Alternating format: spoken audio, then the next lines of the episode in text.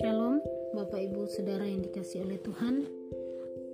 Kembali lagi pada hari ini kita mengucap syukur kepada Tuhan oleh karena anugerah Tuhan yang begitu besar dalam hidup kita. Pada pagi hari ini kita akan bersama-sama merenungkan kebenaran firman Tuhan. Mari kita menyatukan hati berdoa.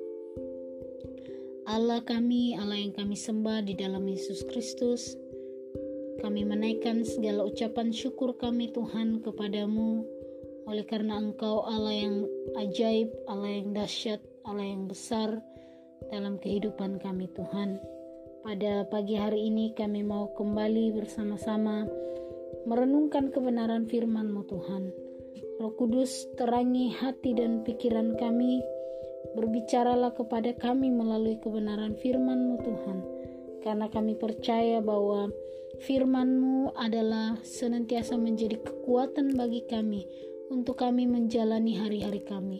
Firman-Mu menjadi penopang di dalam hidup kami, firman-Mu yang menjadi kekuatan bagi kami. Terima kasih Bapa di surga, kiranya melalui kebenaran firman-Mu akan membawa kami terus bertumbuh dan mengenal Tuhan lebih lagi. Di dalam nama Tuhan Yesus kami berdoa dan mengucap syukur haleluya. Amin. Bapak Ibu Saudara yang dikasih oleh Tuhan, renungan kita pada pagi hari ini uh, terambil dari Yesaya pasal 45 ayat 1 sampai ayat yang ke-25. Di mana di dalam kitab Yesaya ini dibagi menjadi tiga perikop. Lima perikop yang pertama dengan judul Tuhan memakai kores sebagai alatnya Kemudian di ayat 9 sampai ayat yang ke-19 perikopnya tentang Tuhan adalah pencipta dan ayat 20 sampai ayat 25 seruan kepada bangsa-bangsa supaya kembali kepada Tuhan. Di dalam perikop yang pertama Tuhan memakai kores sebagai alatnya. Beginilah firman Tuhan. Inilah firmanku kepada orang yang kuurapi kepada Kores yang tangan kanannya kupegang, supaya aku menundukkan bangsa-bangsa di depannya dan melucuti raja-raja, supaya aku membuka pintu-pintu di depannya, dan supaya pintu-pintu gerbang tidak tinggal tertutup. Aku sendiri hendak berjalan di depanmu, dan hendak meratakan gunung-gunung, hendak memecahkan pintu-pintu tembaga, dan hendak mematahkan palang-palang besi Aku akan memberikan kepadamu harta benda yang terpendam dan harta kekayaan yang tersembunyi, supaya engkau tahu bahwa Akulah Tuhan Allah Israel yang memanggil engkau dengan namamu. Oleh karena hambaku Yakub dan Israel, pilihanku, maka aku memanggil engkau dengan namamu, menggelari engkau sekalipun engkau tidak mengenal aku. Akulah Tuhan dan tidak ada yang lain. Kecuali aku tidak ada Allah. Aku telah mempersenjatai engkau sekalipun engkau tidak mengenal aku. Supaya orang tahu dari terbitnya matahari sampai terbenamnya bahwa tidak ada yang lain di luar aku. Akulah Tuhan dan tidak ada yang lain. Yang menjadikan terang dan menciptakan gelap yang menjadikan nasib mujur dan menciptakan nasib malang. Akulah Tuhan yang membuat semuanya ini. Hai langit, teteskanlah keadilan dari atas, dan baiklah awan-awan mencurahkannya. Baiklah bumi membukakan diri dan bertuntaskan keselamatan, dan baiklah ditumbuhkannya keadilan. Akulah Tuhan yang menciptakan semuanya ini. Amin, Bapak Ibu Saudara. Uh, di sini berbicara tentang di mana Tuhan memakai kores menjadi alatnya ya.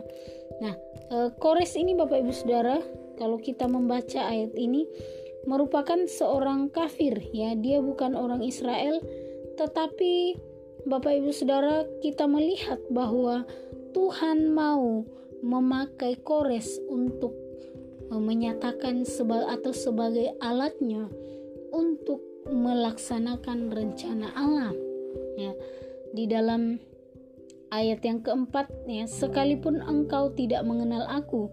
Kemudian di ayat yang kelima diulangi lagi sekalipun engkau tidak mengenal aku. Jadi jelas bahwa Kores ini adalah seorang kafir yang dia bukan uh, orang Israel tapi Tuhan memak bisa memakainya.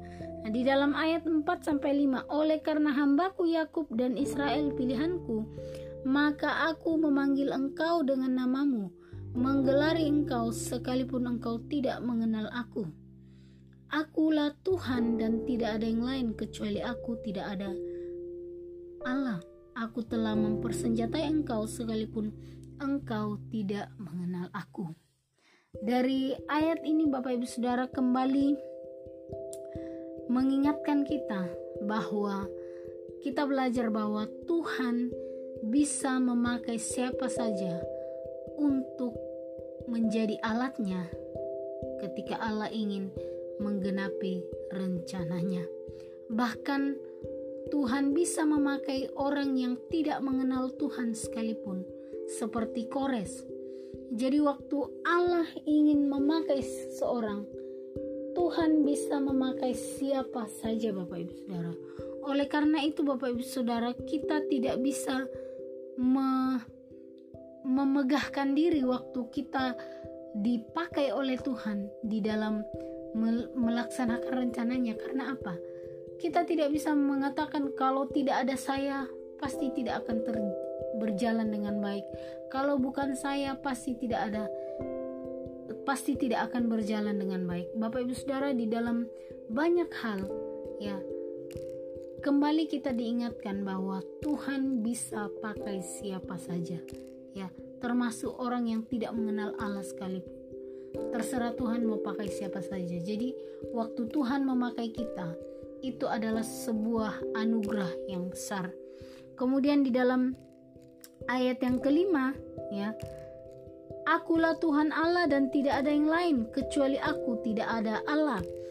Aku telah mempersenjatai engkau. Yang kedua, yang perlu kita pelajari bahwa Allah memperlengkapi orang yang dipakainya dengan kuasa Bapak Ibu Saudara. Waktu Tuhan memakai seseorang, Tuhan pasti akan memperlengkapi orang tersebut. Jadi Tuhan tidak pernah memakai tanpa memperlengkapi. Waktu dia memilih, ya, waktu dia memilih kita, yang harus kita yakini dan harus kita percaya bahwa ketika Allah memilih saya menjadi alatnya, Tuhan akan memperlengkapi. Tuhan akan me memperlengkapi dengan apa? Dengan kuasa. Ya. Dikatakan bahwa aku telah mempersenjatai engkau sekalipun engkau tidak mengenal aku. Mengapa Tuhan mengatakan begitu? Karena Tuhan mau memakai hambanya untuk melakukan rencananya di dalam kehidupan kita. Kemudian Bapak Ibu Saudara, di dalam ayat yang ke-6 sampai ayat yang ke-8, supaya orang tahu dari terbitnya matahari sampai terbenamnya bahwa tidak ada yang lain di luar aku. Akulah Tuhan, ya. Dan tidak ada yang lain yang menjadikan terang dan menciptakan gelap, yang menjadikan nasib bujur dan menciptakan nasib malam. Malang, akulah Tuhan yang membuat semuanya ini. Hai langit, teteskanlah keadilan dari atas, dan baiklah awan-awan mencurahkannya. Baiklah bumi membukakan diri dan bertunaskan keselamatan, dan baiklah ditumbuhkannya keadilan. Akulah Tuhan yang menciptakan semuanya ini. Bapak Ibu Saudara yang dikasih oleh Tuhan. Di dalam ayat 6 sampai ayat yang ke-8 ini mengingatkan kita ya bahwa tujuan Allah memakai kita, tujuan Allah memperlengkapi kita adalah untuk menyatakan kemuliaannya kepada semua manusia.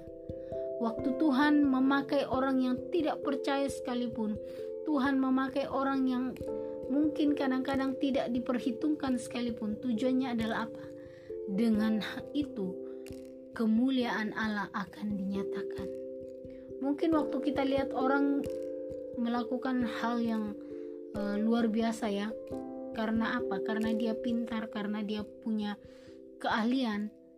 Kita bisa mengatakan, "Oh iya, biasa aja karena memang dia seperti itu."